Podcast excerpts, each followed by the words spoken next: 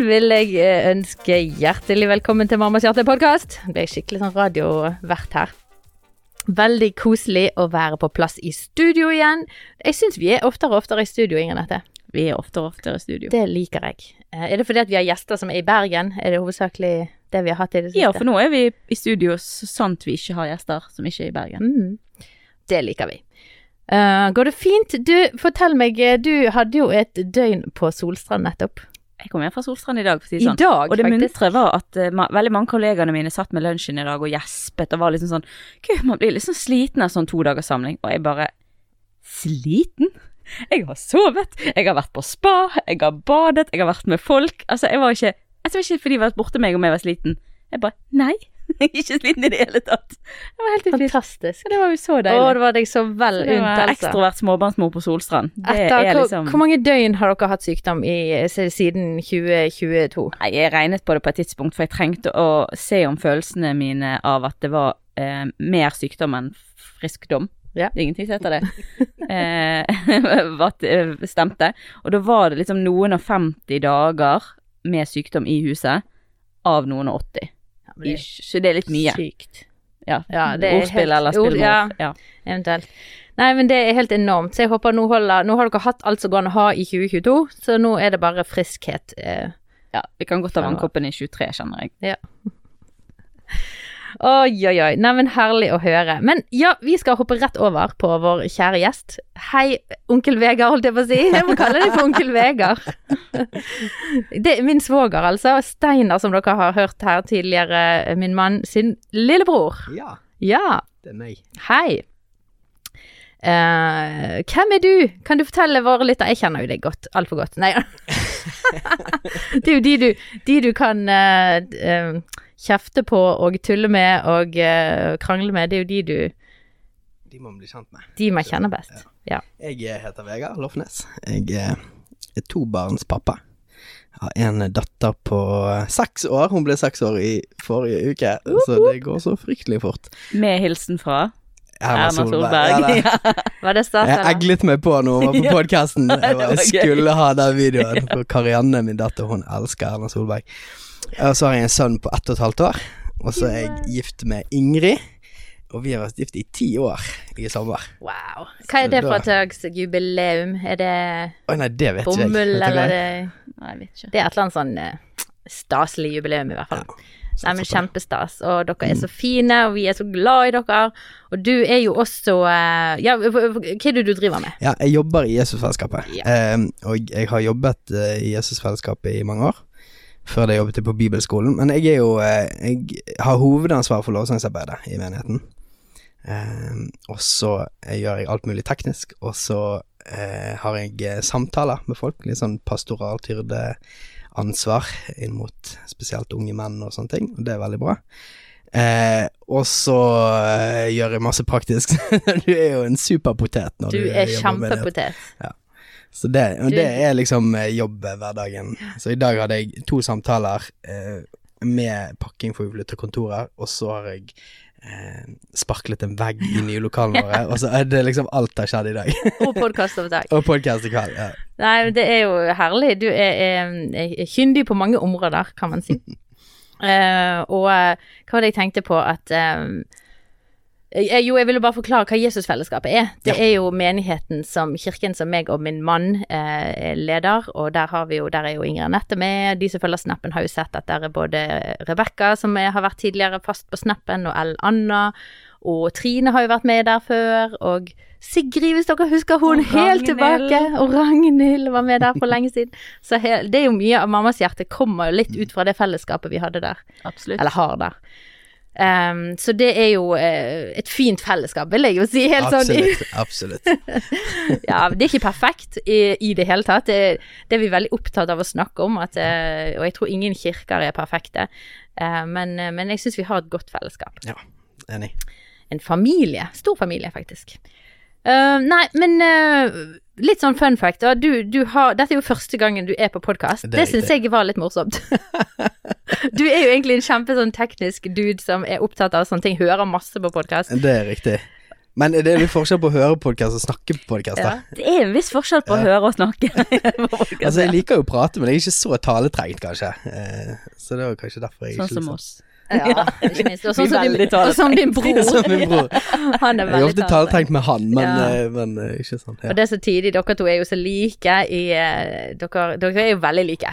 Og har mye de samme interessene og hobbyene. Mm. Samtidig som noen ting Han er jo ikke praktisk anlagt i det hele tatt. Eh, der vinner jo du han en stor eh, Jeg tror kanskje hvis vi setter Steinar, deg og Anders på en linje, så havner du litt sånn midt mellom Anders og kan- Steinar. Ja. Det er ikke For så det, dumt. du og eh. Anders òg er jo fryktelig like. Er sånn. Absolutt. Så det, Så du kan hoppe litt imellom Anders og Steinar, som egentlig er ganske forskjellige. Steinar ja, og Anders. så da. det ligger liksom på en linje midt mellom der. Ja, veldig interessant.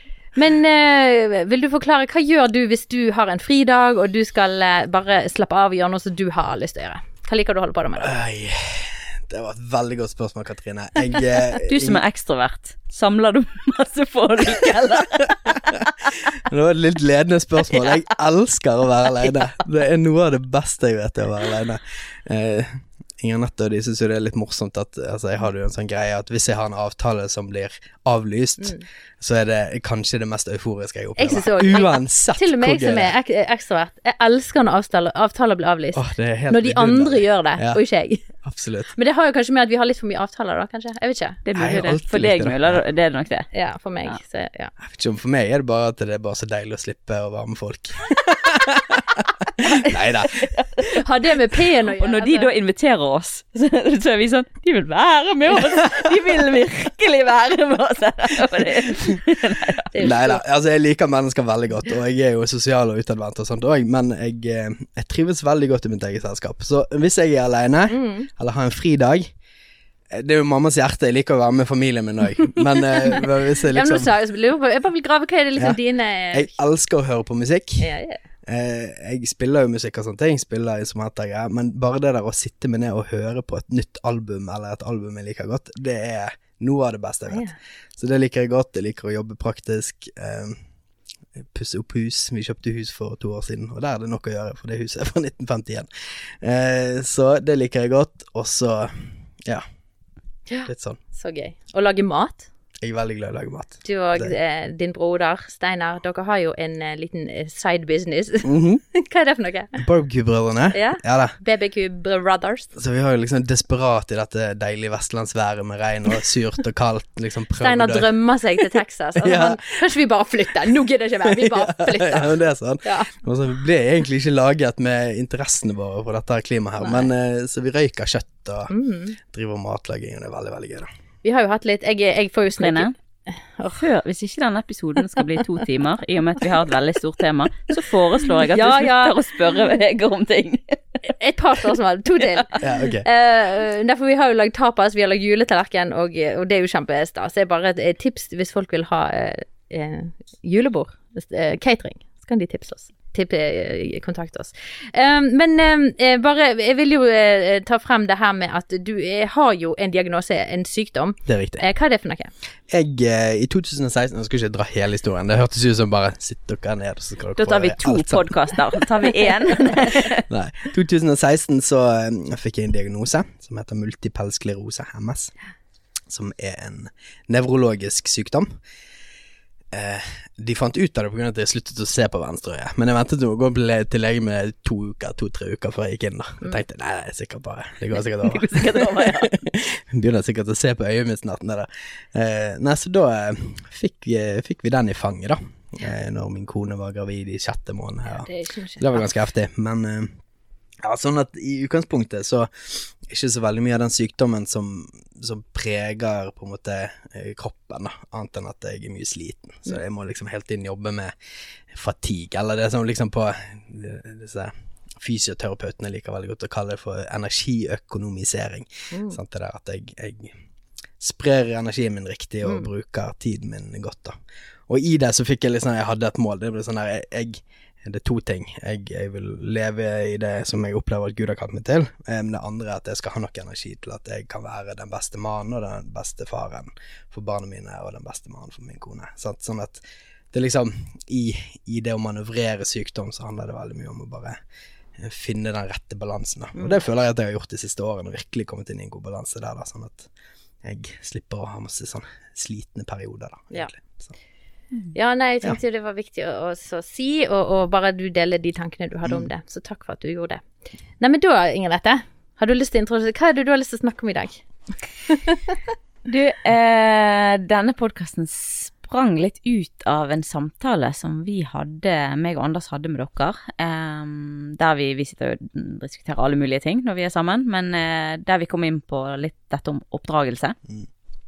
Og jeg har kjent på en sånn Jeg har kjent på sånn der voldsom frustrasjon, nesten som en sånn opposisjonsfølelse mot en del av dagens kultur. Og så har jeg ikke helt skjønt hvor den, den voldsomme frustrasjonen min har kommet fra, eh, før vi snakket sammen. Eh, og da eh, var det en del tanker som du hadde, som jeg tror det er mer eh, Det blir bedre strukturert hvis du forteller om det.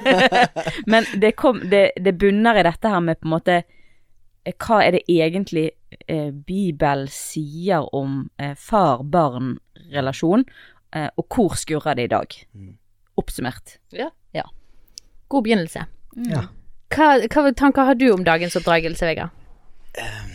Altså, det er alltid litt sånn jeg sitter i en podkast der og har sykt masse bra folk snakker om oppdragelse, sitter her. Nå skal jeg fortelle dere om oppdragelse. Det er liksom ikke helt der eh, jeg kommer fra. Men eh, jeg har jo eh, Jeg har vokst opp med en, eh, en streng far.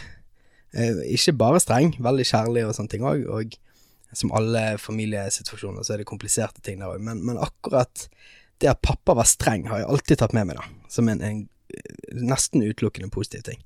Eh, med at han var tydelig på grenser. Eh, sant? Vi fikk ikke lov å høre på banne, musikk med banning i da jeg var liten. Og han tok vinskvetten, hvis dere har hørt om det. Har dere hørt om vinskvetten? ja, ja. ja. Elsker vinskvetten. Og jeg, jeg syns det var så kjekt å høre på vinskvetten, men jeg fikk ikke lov å høre på musikk med banning. Så det han gjorde, var at han spilte inn fra CD til kassett, og så tok han inne record-knappen når det var banning. Så jeg, har, jeg har liksom vokst opp med vinskvetten-sanger der det plutselig kom sånn Og da er det manuelt sensurert vinskvetten. Eh, og poenget mitt med å begynne der, da, at det liksom Jeg, jeg har en, en, en veldig god opplevelse med å ha hatt en far som var streng. Og jeg, jeg tror ikke jeg var det mest ulydige barnet i verden, sikkert vilt og alt sånt, men eh, ut fra det, så det sånn når jeg ble, jeg, når jeg ble pappa sjøl, så jeg liksom måttet jobbe litt med det. For dette, i samfunnet vårt så er det jo veldig fokus på at man liksom skal Hvis barnet ditt slår seg vrang, for eksempel, eh, da skal du prøve å liksom distrahere barnet ditt og liksom vende fokuset til noe annet, sånn at du deeskalerer situasjonen, og så videre. Og så finnes det nok veldig gode ting med det, eh, og det mener jeg at det gjør, men jeg tror vi har bomma ganske grovt, da, hvis vi legger til oss en sånn stil på oppdragelse der vi skal gjøre alt vi kan for at det, skal være rolig, og det skal være på barnets premisser, og de skal eh, bli validert for alt det er verdt, og så. Og jeg er veldig for validering av følelser, så det er ikke det det går på. Men jeg er stygt redd, altså, for at vi, vi skaper en kultur med barn som vokser opp uten å møte motstand. Eh, og det er jeg fryktelig redd for, da. Ja, hva Eh, blir det ut av en sånn generasjon, da? Det har vi jo sett. Ja. Det har vi sett folk som slutter Altså, de kaller jo for de millennials. Mm. Eh, sant? Og det er jo de som da er født rundt 2000. Ja. Nei, millennials det? det er faktisk 89 og videre. Er det det? Så jeg tror det er Gen Z Jeg du slapp snakker akkurat unna, jeg, da. Ja. Ja, men det er jo de som på en måte de, eh, de takler ikke kritikk, de takler ikke å møte motstand. Eh, de vil at en jobb skal være gøy, Mm. en jobb skal være noe som gir de noe. Jeg ser det på sosiale medier at jeg hadde ikke lyst til å spy. Bare sånn der eh, jeg Bare kvitter meg med alt som ikke gir meg noe i livet. Mm. Sånn, jeg vet du hva, unnskyld meg. Altså, ja, ikke få meg i gang, nå kommer ranten. Men poenget er at det er den holdningen. Mm. Og jeg bare kjenner jeg er så i opposisjon mot det. Fordi at når begynte alt å handle om deg? Altså ikke deg, Vegard, men, men, men de som sier alle disse tingene. Når handlet verden? Når ble liksom verden sirkulerende rundt de? Jo, det begynte med at de kanskje vokste opp med at verden sirkulerte rundt de. Ja.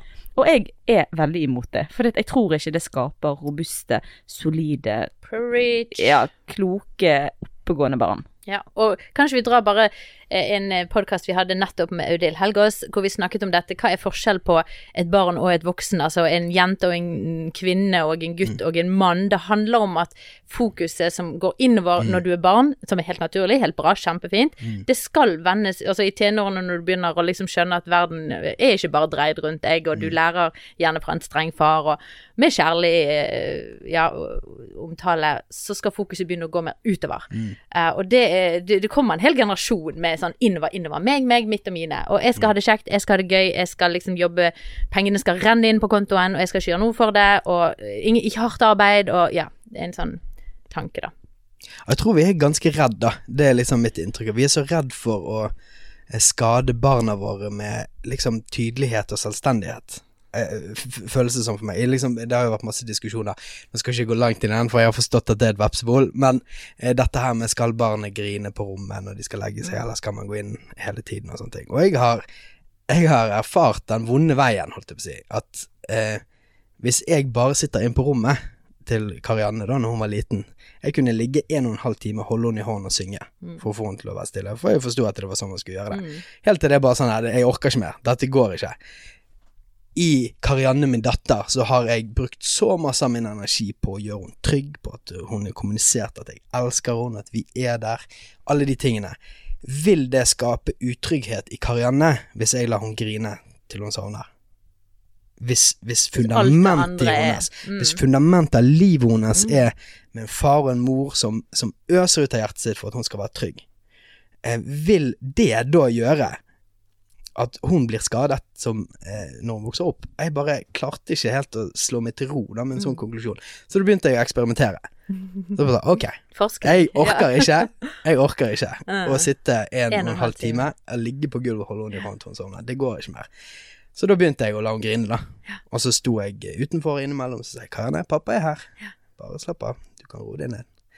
Og så fortsatte hun å grine, og så griner hun kanskje i et kvarter. Og så hører jeg at hun roer seg, og så sovner hun. Og så våkner hun neste morgen, og så er hun kjempeblid, og så er hun trygg, og så er hun god, og så vil hun sitte på fanget, og så prater vi sammen, og så skal hun legge seg. Og så holdt vi det gående sånn i en og en halv uke, to uker. Og jeg vet at det ikke alltid er så lett, men to uker. To uker tok det. At jeg lot hun eh, få grenser. Ja, protestere, egentlig. på protestere og si 'dette vil jeg ikke'. Det er mye mer kjekt når du er her inne og synger for meg Ja. og holder meg i hånden, pappa. Selvfølgelig. Kom inn igjen. Sant? Eh, hun kunne ikke snakke, men det var det hun kommuniserte med grinningen. Sant? Eh, to uker tok det før hun eh, ble vant til situasjonen der hun skulle sovne sjøl. Og for meg så ble det en sånn der enorm øyeåpner. Jeg bare sånn Jeg kan ikke. Vi kan ikke eh, styre livene våre, oppdragelsene våre, eh, kun med å ta hensyn til følelsene til barna mine i, i det umiddelbare. Fordi at vi må tenke langsiktig og mye dypere. Sant? Hvis barna mine skal være trygge, så er det helt andre situasjoner der jeg skal prioritere det. Hvis hun slår seg vrang på butikken fordi at hun vil ha kjærlighet på pinne, hun kommer ikke til å få det. Og hun kommer ikke til å tvile på min kjærlighet til hun fordi at hun kommer til å vokse opp med en far som er nær. Og en mor som er nær, og foreldre som investerer hjertet sitt og tiden sin og fokuset sitt til å skape identitet i henne. Og da bare nekter jeg å godta et premiss da, på at eh, hvis jeg blir sint, som jeg blir Jeg er en veldig streng pappa. Eh, og så er jeg en veldig kjærlig pappa samtidig. Og jeg bare nekter å gå med på det premisset da at min strenghet eller min kjefting eller de tingene skal være mer destruktivt enn det positive vi legger ned i henne, i hennes identitet og selvfølelse når hun vokser opp. Og jeg tenker òg at eller, Det er så mange ting her, men, men en av tingene i forhold til det å bli sint, eh, så er det jo veldig sånn kultur på dette med at du skal på en måte i utgangspunktet ikke bli sint. Eh, og der er jeg litt sånn her De kommer jo til å få sjokk. For resten av verden, vennene deres kommer til å bli sint. liksom, altså eh, Lederne deres kommer til å bli sint. Eh, men det handler jo om eh, hva du gjør når du er sint, tenker jeg. Jeg tenker at det er en fin måte å vise barn at eh, dette mener jeg alvor på. Forskjell på en måte på grad av, av alvor i situasjonen. Vi hadde en situasjon som Anders fortalte om i denne podkasten med Kjell Ingolf, der det var sånn at uh, han på, på snart ni syklet rett ut i veien etter vi hadde sagt at han Vi var på sykkeltur og sagt at han måtte på, og da var vi rasende. Men da forklarte vi han det òg. Sånn at vi var, var sint, og nå sier vi vi er så sint nå fordi vi egentlig er redd. Sant? Og snakket, vi hadde en fin samtale om det etterpå, og det, det tror jeg er veldig viktig. Men, men eh, at han faktisk ser at liksom vi, eh, Dette er alvor. Du syklet og det kom bil. Du kunne dødd, liksom. Da, da da blir vi redde. Det er, det er ikke bare sånn Nei, du må ikke sykle ut i veien. For det, det, det oppleves det kanskje ikke ekte eller reelt for ungene. Sant? Ja. Nei, og, og, og det er så viktig òg, og dette med at når barna ser hvordan vi kan være sint på en fornuftig Selvfølgelig, vi voksne, vi skal, vi skal, vi skal tøyle oss og tenke over hva vi sier og hva vi gjør. Vi skal ikke bare være rasende og, og, og, og? Av og til kan jo det bli for mye, og da må vi gå og be om tilgivelse. Men, men altså, det, det som du sier her, denne tydeligheten, den, den eh, ja, strenge kommunikasjonen, så lærer jo barna at å ja, det går jo an å, og snakke sånn på en fin, på en ordentlig måte. Så går det an å være streng og tydelig.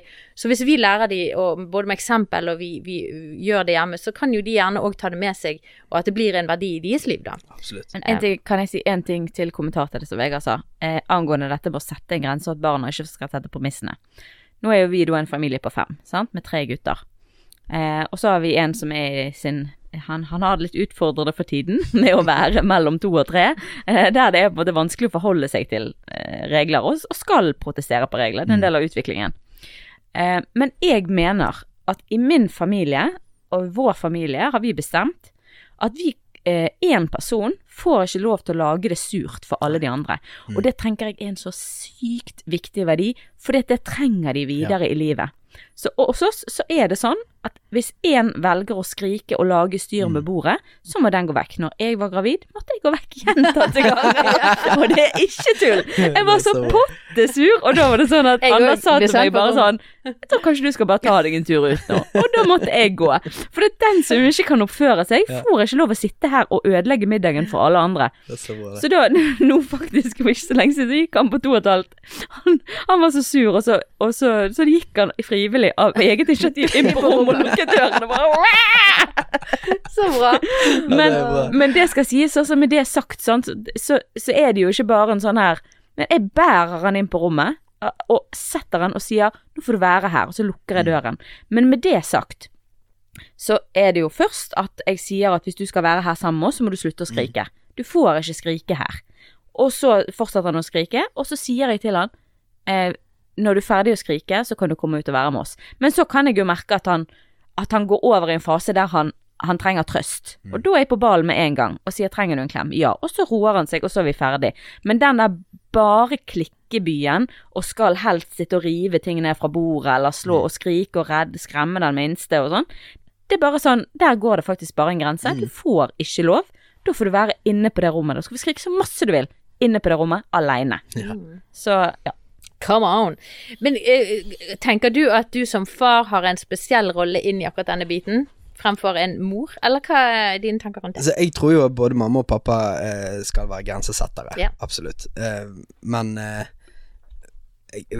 for meg og Ingrid, vårt ekteskap, så er det helt tydelig at, at um, den som rammer, eller den som lager rammene og har overblikket og er på en måte den som både går foran når det trenger konfrontasjon, sånn, det er meg, og jeg, jeg opplever det som at det er den riktige rollen. Og eh, for all del det kan være situasjoner der det er annerledes personlighetsmessig sånne ting, men jeg tror at det er lagt ned i eh, skaperverket omtrent, og at, at mannen er et bilde på Gud som far. Eh, sant? Og, og, og det er ikke det eneste bildet av Gud, 100 Mm. men den der rammen, den tydeligheten, der tror jeg ligger veldig på en, en fars Ja. Og jeg er så enig med deg, og jeg liker så godt at du drar inn Gud i her, for jeg tror han har lagt eh, den biten av seg ned i en mann, og så gjerne en annen som Audelog snakket om i sin podkast, den her omsluttende kjærlige moren ned i oss. Og, Også, og dette snakker vi òg mye om i dette her med eh, vi kontrollerende hønemødre som, som kan ta overstyring og styring over oppdragelsen og hvordan vi skal møte barna, hvor vi må trekke oss litt tilbake, ta et lite steg tilbake for at pappa skal få være akkurat det der som du snakker om der. Og jeg har så tro på det, og vi, det fungerer veldig på samme måte hjemme hos oss. Eh, og det Jeg ser fruktene av det, da. Mm. Og jeg slipper. Og jeg kan slappe av som mor. Jeg slipper å måtte ta de der Jeg syns det er utfordrende å sette de grensene, for jeg syns det er vondt. Jeg syns det er, går for langt. Jeg syns det er liksom og så kommer han, og så gjør han det, og så syns jeg bare det er deilig, for da slipper jeg å gjøre det. For jeg vet han elsker de, jeg vet han vil de vel. Eh, og så kan jeg bare liksom Jeg kan være meg og elske de på den måten, og, og møte de og ta mine grenser på den måten jeg gjør det. Men, men akkurat de som du liksom uh, rommer eh, retningen og kulturen, og liksom at, at de kan kjenne seg trygg i det at pappa Mm. har oss. Han, han liksom OK, vi må, han må, vi må lye her i, i Mm. gården. Jeg vet ikke, jeg er litt gammeldags. Men jeg tror, jeg tror det er noe i, i dette bildet som er ganske essensielt. Sant? Fordi at um, det at et barn opplever at det fins grenser rundt deg, at det fins rammer rundt deg, det fins noe som er større enn meg sjøl. Det pleier jeg å bruke som bilde. da At et barn opplever at det er Jeg må ikke stå på egne bein, og jeg er ikke min egen trygghet. Hvis jeg ramler til siden, så er det noe jeg dulter borti, og det holder meg. Og jeg tror at opplevelsen av det gjennom fedre som er strenge og er tydelige og har rammer og kjærlighet og lidenskapelig kjærlighet for barna sine og familien sin, de vil òg oppleve når det blir tøft, så er det ingenting som er mer trygt enn en pappa som reiser seg og står imellom, Mm. og som tar eh, trøkket, da, hvis det kommer et trøkk. Og jeg, jeg, jeg tror det er en sånn eh, essensiell bit av hele dette bildet, at du, jeg tror ikke du får det ene uten det andre. Så hvordan, hvordan kan du oppleve at, at du står i trygghet, eller at noe er større enn deg sjøl, eh, når det tøffe kommer imot deg, hvis det òg ikke kommer gjennom grenser og oppdragelse og rammer og kjærlighet som er hengitt i at man investerer trøkket i konfrontasjon. Mm. Jeg, jeg tror at, at du må ha det ene for å virkelig ha det andre. Ja. Uh, og jeg bare har et sånt bilde av Kar Karianne Jeg vet ikke om han sier barna sine navn her, men jeg gjør det. nå. Rolle. Eh, Karianne fra hun var liten, sant? fordi hun ville ikke sove. Uh, og så helt i begynnelsen så holdt jeg henne for å få henne til å sove. Hun var kjempesint. Hun er hissig akkurat som sin far, og det er konge. Hun var hissig fra hun var bitte liten, og så var hun så sint. Hun ville ikke sove. Uh, og så holdt jeg henne i armene mine. Og så eh, funket det ikke å legge henne ned i sengen, sant? for da ble hun bare helt sprellende vill. Og så alle de tingene. Men hva gjorde jeg da? Jo, da holdt jeg henne litt tettere. Litt fastere. Og det som skjedde med henne, var at når jeg holdt henne fastere og tettere, så roet hun seg. Mm. Og eh, jeg, jeg tror det er et sånt bilde da, på den der tryggheten Ja. som man òg kjenner på styrke. Ja. Men, men styrke har òg en side, og den kan være konfronterende. Ja. Og jeg tror den må være det, til et eller annet nivå. Det vil ikke si at alle må være hissige sånn som jeg er, eller streng som jeg er som far, men tydelighet. Ja. Og, og at man er gjennomtenkt og fokusert som fedre, tror jeg er helt Come essensielt. on. Å, det er så bra, Vegard. Og, og, og jeg bare tenker på den svøpingen. Man driver jo med sånn stramsvøping for Mm. å, å berolige barn. Eh, spesielt etter at de har kommet ut av Mm. mage, hvor de er vant med å ligge kjempetett. Så er det jo mange som driver og liksom stramknytter de litt sånn inn i et sånt tørkle. Mm. Og det er jo for akkurat det der. Eh, barn de vil ha den der, og de kjenner at de bare eh, er trygge inni denne favnen, da. Mm. Så det er et veldig fint bilde. Og så jeg vil bare trekke inn en ting, og det er dette her i forhold til å være sant, å, å um, ta støyten og disse tingene her med å Og tenke litt i forhold til valg. At de har jo forsket på dette med at uh, mange valg, det gir uh, ulykkelighet, på en måte. Og så tenker jeg hvis vi voksne blir ulykkelige av for mange valg, eh, hvordan er det da for barn med ikke ferdig utviklede hjerner? Eh, jeg tenker at hvis vi voksne har problemer med mange valg, så er det jo i hvert fall vanskelig for barn. Eh, å sette de i situasjoner der de får på en måte valgmuligheten, der de får stille premissene. Jeg tror bare ikke at de har godt av det, rett og slett. Så bra. Men du, la oss hoppe litt eh, over i på en måte den eh, Du, du nevnte liksom og, og, og hadde eh, Gud som et slags bilde av hva er det han har lagt ned i oss som foreldre, og hvordan, hvordan er det vi kan se til han som et forbilde, og hvordan er det Hva er det Bibelen sier om dette her? Har du noen tanker rundt det, kjære pastor? Jeg har noen tanker på det, og jeg, jeg, jeg skal prøve å ikke gå liksom for komplisert eh, teologisk eh, greier. Eh, men, jeg, men jeg tror det er to ting som er utrolig viktig at vi ser på. Sant? Den ene er hva gjør Gud i oss som far? Sant? Han skaper identitet. Han eh, gir oss rett til å bli hans barn. Vi får lov å være sønner og døtre av han, som gjør at vi får en identitet av å være eh, sønner og døtre av kongen, av skaperen, av, av det største som finnes. Sant? Eh, og det må ligge i grunn, sant. Vi, vi, vi kjenner at Gud er kjærlighet, også.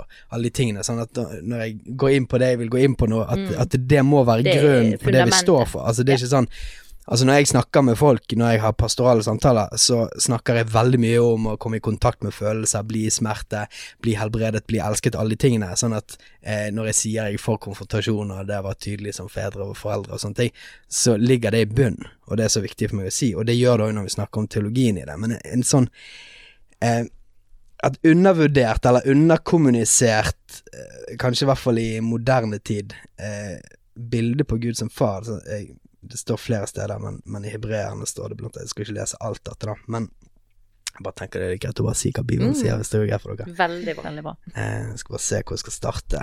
Ja, jeg begynner her, jeg. Og dere har glemt den Det står i Hebreerne 12, for de som har lyst til å sjekke. Og dere har glemt den formaningen som taler til dere som til barn. Min sønn, forakt ikke Herrens tukt, og mist ikke motet når du blir refset av han. For den Herren elsker, den tukter han, og han hudstryker hver sønn som han tar seg av. Eh, nå er ikke vi for å slå barn, så det er ikke det det betyr jo egentlig ja. Så piske eller ja. så- ja, og jeg måtte, jeg, måtte, jeg måtte sjekke det opp på Ja. grunnteksten. Bare sånn, ok, er det faktisk det vi Det er snakker om? Og det er det.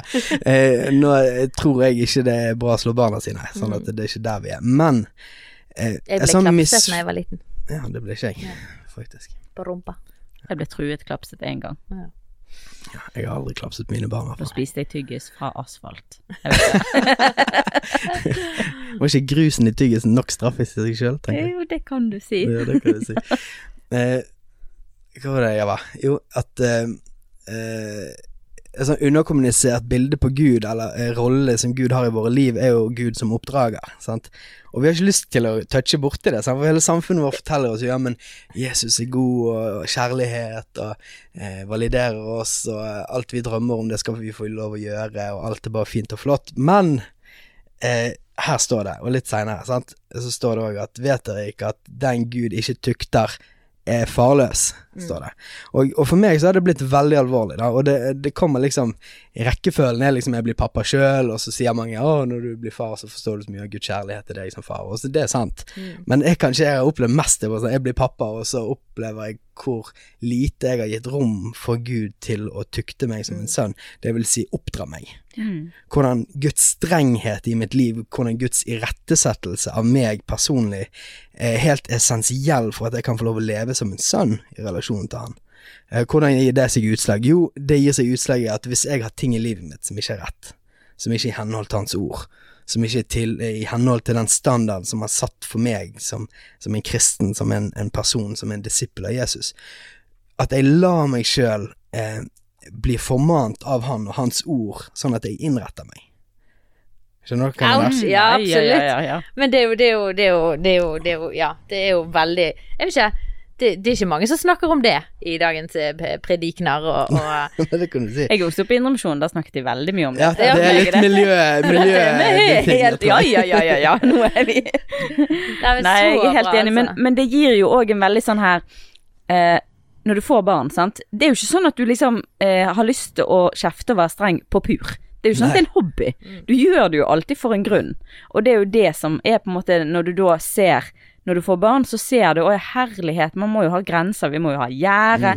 De kan ikke få lov til alt mulig, det er jo livsfarlig. Og at man da på en måte kanskje får en større forståelse for at jeg, Bibelen har satt de grensene. Altså, jeg vet ikke med dere, men jeg har ikke lyst til at mine barn skal ha sex med hvem som helst rundt omkring. Altså, og, og få barn i hytte og gevær. Altså, jeg har lyst til at de skal liksom eh, ha det trygt. Jeg vil at de skal på en måte forplikte seg, og skal Altså eh, Og da tenker jeg sånn at det er jo helt naturlige eh, regler som er satt for en del ting, da. Eh, av kjærlighet. Av kjærlighet, sant. Og, og, og hebreerne si- eh, Det står akkurat dette sant, i vers 11.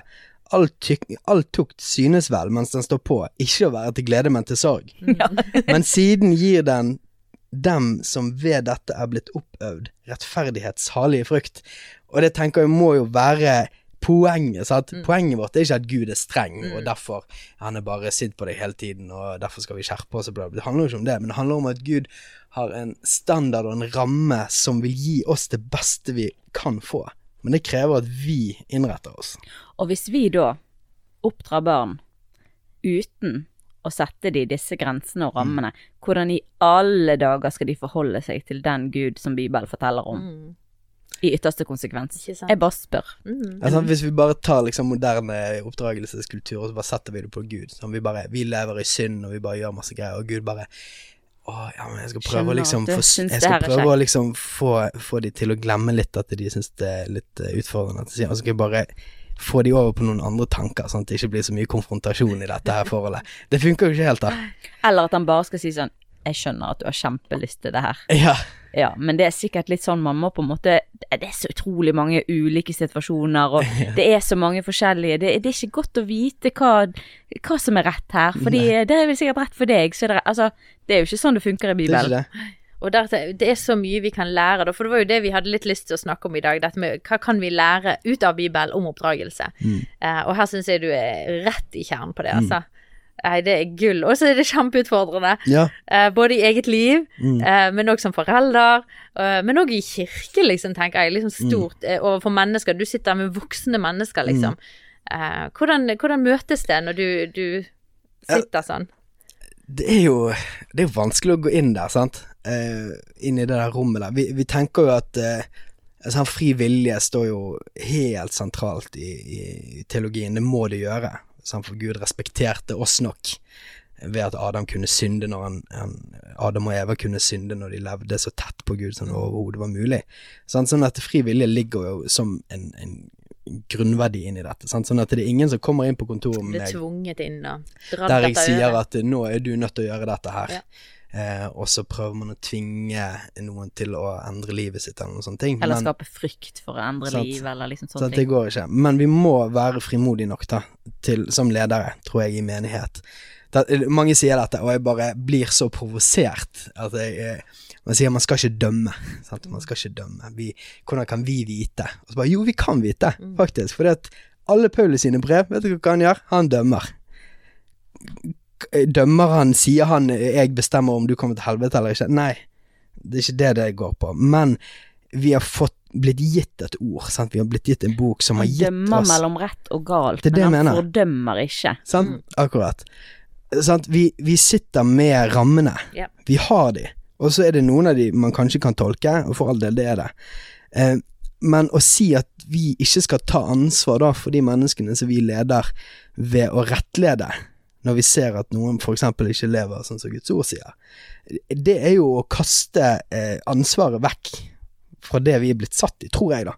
Eh, og eh, det tror jeg er veldig viktig, og det er veldig utfordrende. Mm. For dette i kulturen vår så er det jo så em, subjektivt hva som er rett, sant? Og, og alle skal få lov å leve med, med hvordan de vil og alt sammen. Men, men hvis jeg eh, i mitt personlige liv lar meg rettlede av han og hans ord, hvis jeg lar Guds strenghet, hans kjærlighet mot meg, forme mitt liv, da tror jeg òg at jeg kan ha et hjerte som er ganske mykt, da, hvis jeg rettleder andre. Ja. Eh, så jeg sitter med folk gjerne, sant, og så snakker vi om ting, og, og hvis de da deler ja, men jeg har det veldig vanskelig, og så forklarer de hvordan livet ser ut, og så er det helt tydelig at ja, men her er det ting i livet ditt der du lever med kompromiss i ditt eget hjerte, eller eh, med hvordan du lever livet ditt på. Det er kanskje ikke så rart at den og denne frukten kommer opp i livet ditt. Da må vi rettlede det.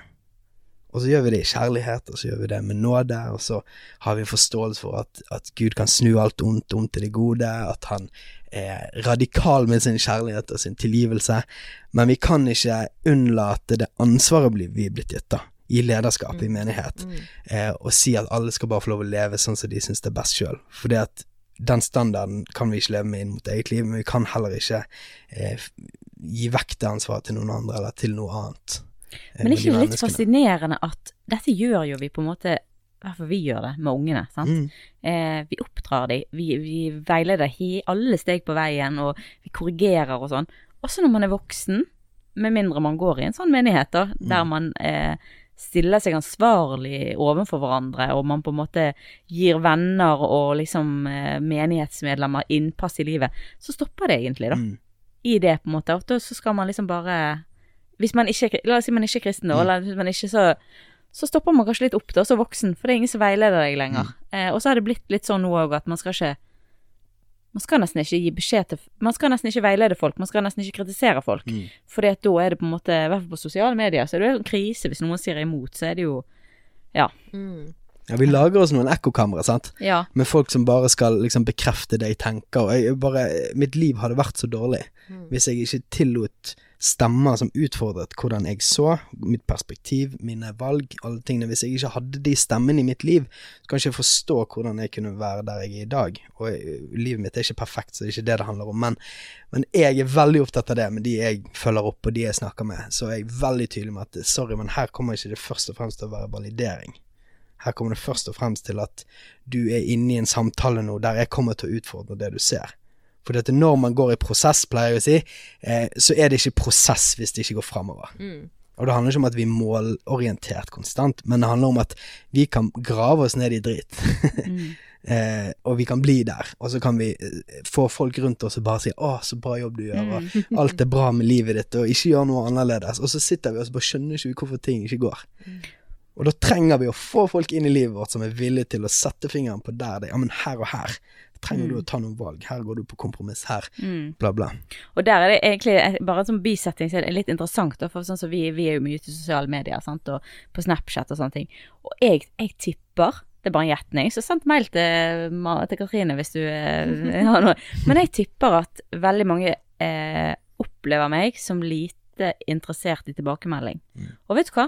På Snapchat, det stemmer. Mm. For de har en brøkdel av bildet. Mm. Men det betyr ikke at jeg er ikke er mottagelig for tilbakemelding fra ledere Mm. på jobb, fra kollegaer på jobb, fra venner. Vi hadde jo ikke den når denne podkasten oppsto, holdt jeg på å si. Så jeg kom jo det litt ut ifra at din kone faktisk tok opp en del podkastting som hun hadde hørt, Mm. der hun hadde lyst til å gi tilbakemelding på en del ting som hun hadde på en måte tenkt på. Fantastisk! Og, og vi tok det opp, og vi har på en måte gjort tiltak, og liksom sånn, poenget er at Men det er litt av det ekkokammeret som du sier, sant, at, at hvor er det vi henter denne kritikken fra? Sant? At vi må nødt til å invitere folk inn i livene våre. Men når det kommer til på en måte sånn at jeg legger ut noe på Snapchat, og folk kommer og skal komme med en tilbakemelding på det, er faktisk ikke så mottagelig. Men det er jo fordi at de vet ikke hele, de vet ikke hele bildet, sant? og da blir det sånn arkid. Mm. Men eh, ja. Det var nå bare en sånn Mhm. Og der kan man jo velge hvilke stemmer vi lar eh, snakke inn i livene våre, sant. Mm. Eh, der har jo vi eh, veldig ansvar for sjøl å, å velge ut Det hører jeg ikke på. Det er noen som kan stå og mase og rope 'Nei, hvorfor er du idiot?' Sant? Og så Nei, jeg velger at jeg, du Jeg lar ikke dine meninger og din måte å, å, se perspektivet på livet preger meg. Det er jo slitsomt å ha noen som står og roper på deg hele tiden. Men, men også kan man slippe noen inn som du da eh, tenker åh ja, jeg liker din måte å tenke på. Jeg, jeg vil ha mer ut av det i mitt liv. Det utfordrer meg. Sånn så jeg gjorde jo det med deg, Inger Nette. Eh, jeg, jeg likte Du er veldig annerledes enn meg, og du så liksom mine blindsoner, og så satt du ord. Altså, du tør, sant? Ikke alle som Men du slapp det. meg jo inn, da. Ja, Ja, jeg kom ikke bare og sa sånn hei, her har du Jeg Jeg har en begynne. liste. Jeg kjenner ikke deg, men her har jeg en liste over ti ting til forbedring. Absolutt ikke. Men, men det var jo noe med det at jeg merket at oi, her, jeg liker måten du eh, setter ord på de tingene jeg ikke ser i mine blindsoner. For dette, vi, vi har alle blindsoner på livet vårt, og vi trenger noen som tør å sette ordet på de tingene vi ikke ser, og så gjerne gjør det på en litt ordentlig og fin måte. Da ikke bare sånn å, du er så dust for dette, du oppfører deg alltid sånn hele tiden, eller um, så, og, og da syns jeg jo det er utrolig kjekt å henge med sånne som deg, Inger Nette, som, som tør å gjøre det, og liksom jeg kan stole på at du liker meg, faktisk. Og så sier du faktisk, hvis det er et eller annet du syns det er litt sånn Nei, jeg syns det er litt unødvendig at du hele tiden skal grine på Snapchat. Nei, det syns jeg ikke. Men du begynte å grine med Erlend, altså. Ja, jeg gjorde er det. var, å ja. Det var Jeg må jo det. sånn, sånn. Katrine begynner av og til å grine litt. Hun bare å ja. Å, stakkar. For hun er mer lik meg enn deg, da. Ja, men det det, er sant. det er jo derfor Altså, jeg grining, Katrine. Yes. Ja, Vegard liker det. er Her er det dere to som er i flertall. Ja, det er så bra. Nei, men jeg, jeg, jeg elsker perspektivet ditt, Vegard. Og jeg synes, eh, jeg er jo sjøl en som sitter i mye samtaler, og jeg, jeg har så lyst til å lære mer ut av den måten å lede på, da. Eh, men òg bare liksom Jeg tenker det her er så gode premisser, eller eh, prinsipper, å få inn i familielivet. Eh, og, og ta de der rundene med barna våre. Så de må gjerne møte på en leder som skal Jo, de skal jo det også, det er godt å være å få andre stemmer inn i livet når man er voksen, men som foreldre så, så, så Ingrid Nette, du er jo en veldig forkjemper for at liksom Ja, la de få øve seg på disse hjem, tingene hjemme, da, Ja, før de kommer ut og får det der smellet i trynet bare Oi, jeg var visst er et kjærlighet. ufordragelig menneske, visstnok. Jeg syns ikke det er kjærlighet. Nei. At ungene skal få sjokk. At de tror de er liksom helt tipp topp. Og så er de kjempeirriterende i Ja. oppførselen Ja. sin. Ja. Det, de får jo sjokk. Da, da, det- men da kan jeg tenke sånn Hvis jeg hadde da kommet ut i verden, så er det sånn Hæ, hvorfor har ingen fortalt meg at yeah. ingen som liker å bli slått på rumpen? Altså, unnskyld meg. Så kanskje man Altså, man må jo lære de hvordan de skal oppføre seg når de skal ut i verden. Du driver og slår folk på rumpen. ja, jeg om. bare litt. Ja. Nei? Jeg, jeg snakket med Karianne før jeg kom her til når vi spiste kveld, så sa jeg hva, hva skal jeg si da, når jeg er på podkast. Eh, og så sa hun noe vi har snakket om masse de siste ukene, for jeg, hun har, jeg har måttet være ganske streng i det siste. Og så jeg har jo alltid en sånn greie at jeg kan bli ganske sint, eh, og så eh, endrer vi atferd, og så får vi endret situasjonen, og så når man gjennom, og så roer jeg meg ned med en gang. For det at hvis jeg har oppnådd det jeg skulle med å lage tydelige grenser og rammer, så trenger jeg ikke å fortsette å være sur. Det, er- det er jo helt idiotisk. Ikke du, er du langsint? Nei, eller? nei, nei, du klarer Steinar, han er langsint. Ja, nei, jeg er kjapt opp og ned. Ja, Jeg òg. Ja. sånn som jeg. Ja. Omstiller meg fryktelig raskt. Sånn at jeg blir kjempesint forrige dagen, kjempesint på hva og så blir hun lei seg, for hun skjønner jo alvoret i det hun har gjort som ikke var greit, og, og så videre. Og så connecter jeg henne med en gang. Sant? Og så prøver jeg å finne hjertet hennes. Og så spurte jeg henne bare sånn Karianne, hvorfor tror du pappa blir sint? Og, og sånt. Så sier hun pappa, det er jo fordi du vil jeg skal bli en snill voksen. Eh, Wow. og så eh, i dag så snakket jeg med henne opp i kveld, så bare hva skal jeg si da på podkasten? Du må si det at pappa må være sint hver dag, eh, fordi at da blir barna snille voksne. Oi, det var quote right there. ja, nei, det er noe med det, da. At hun sjøl anerkjenner at det er greit, og det er faktisk et behov. Mm.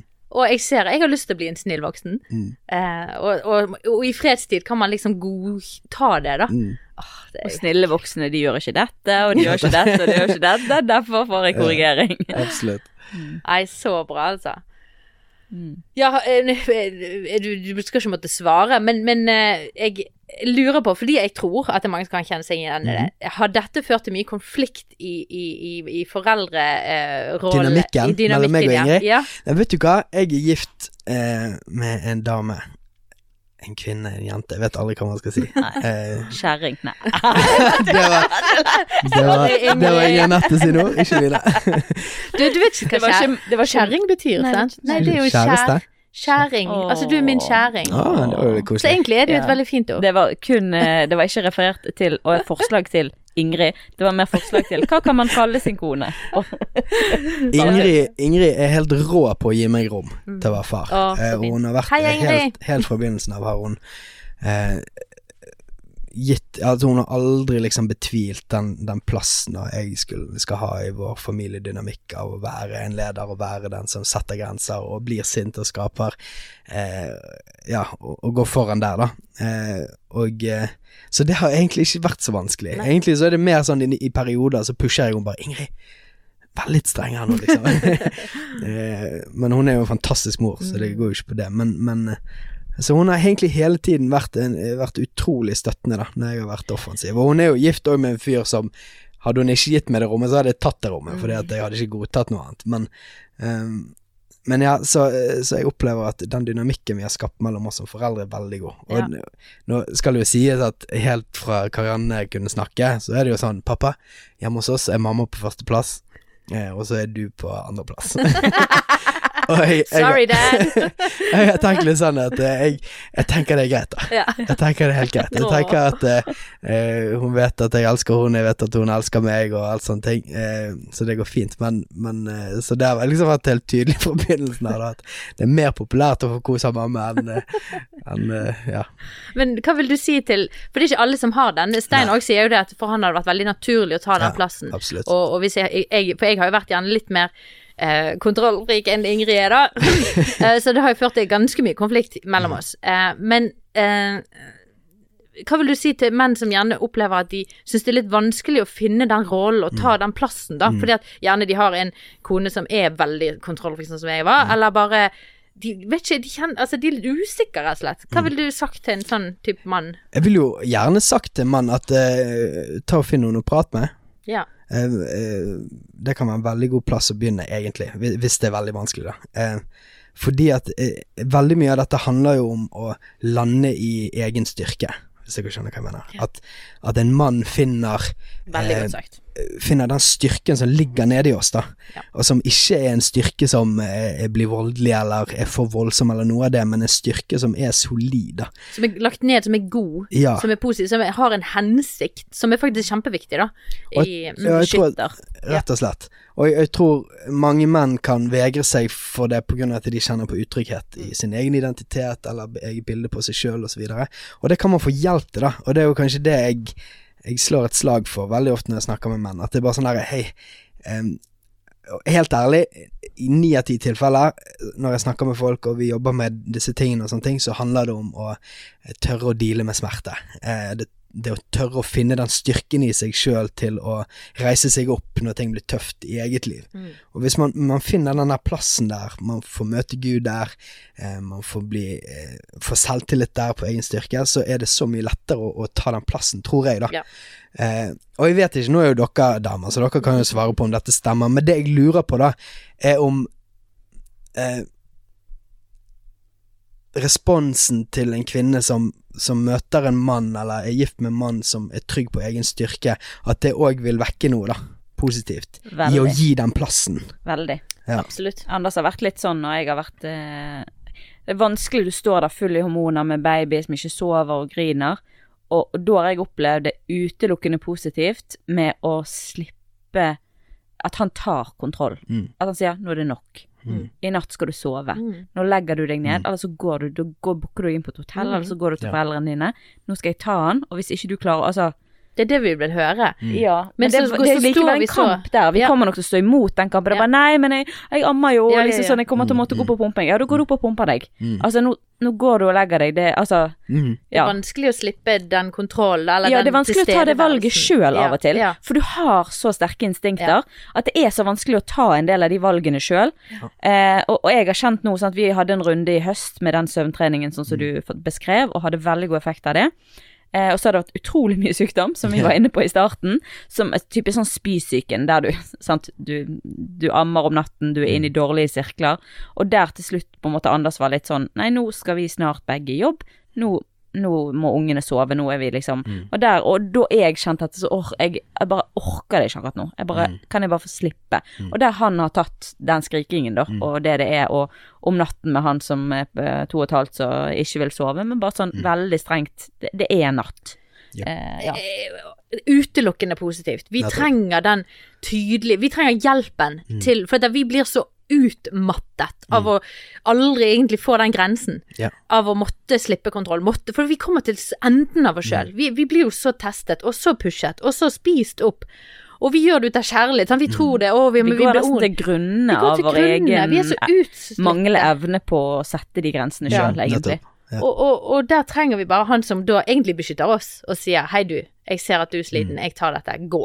Nettopp. Og det er ut av kjærlighet, men, men vi trenger å bare tåle å høre det, da. Og så slippe. Ja, sant, og da er det sånn, til de mennene da som syns det der er vanskelig, eh, så er jo den kjipe realiteten er at det er Vi har et massivt problem med eh, fedre som er dårlige forbilder, sant.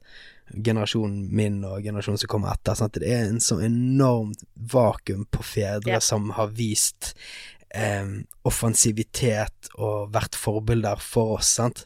Eh, som gjør at, at det der å skulle gå inn i papparollen sånn jeg ser det, da. Eh, uten at man har fått blitt lært, at man har fått observere gjennom egen far eller egne farsfigurer hvordan det ser ut, Mm. da står man på bar bakke, Ja. altså. Og det er fryktelig vanskelig. Ja. Sånn at Det er derfor jeg sier at ok, hvis dette er vanskelig for mannen, hvis det er en mann som hører på dette, eller en kone som vil vise dette til mannen, få hjelp. Få noen til å, til å snakke med. Ring til til Vegard, nei.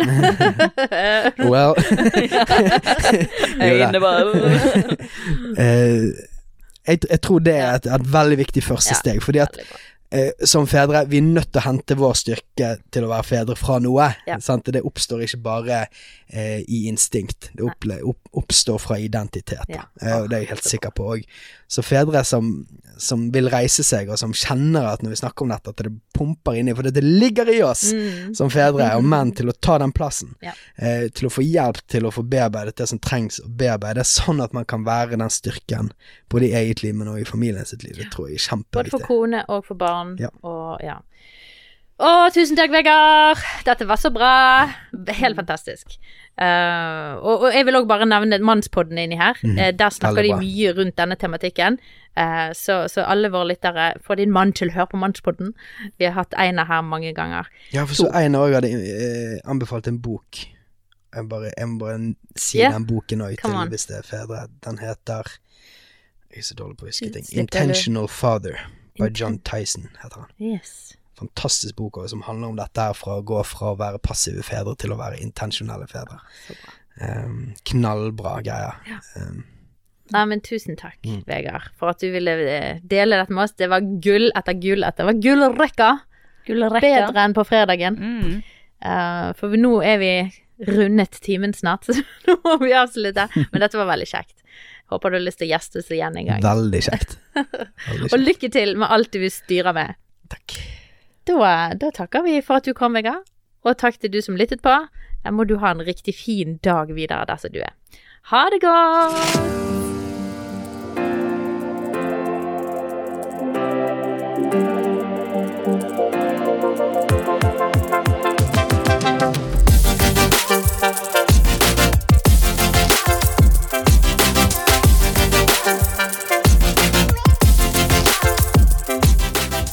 Om du har tilbakemeldinger, tanker eller spørsmål etter det vi har snakket om i dag, så skriv inn til post alfakrøll mammashjerte.no. Vi svarer alle mail. For å lære mer om Mammas hjerte kan du besøke vår nettside mammashjerte.no.